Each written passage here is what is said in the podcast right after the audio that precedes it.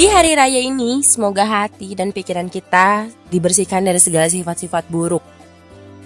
Memaafkan mantan yang sedang berselingkuh, memaafkan orang-orang yang sudah mengghosting, memaafkan crush yang memberi harapan tanpa kepastian, memaafkan tetangga yang kerap kali membuat sakit hati karena omongannya, dan tentunya memaafkan diri sendiri dengan segala pemikiran-pemikiran overthinking dan yang selalu merasa insecure. Takoballahu minna wa minkum teman-teman. Minal aizin wal faizin Mohon maaf lahir dan batin. Selamat berlebaran semuanya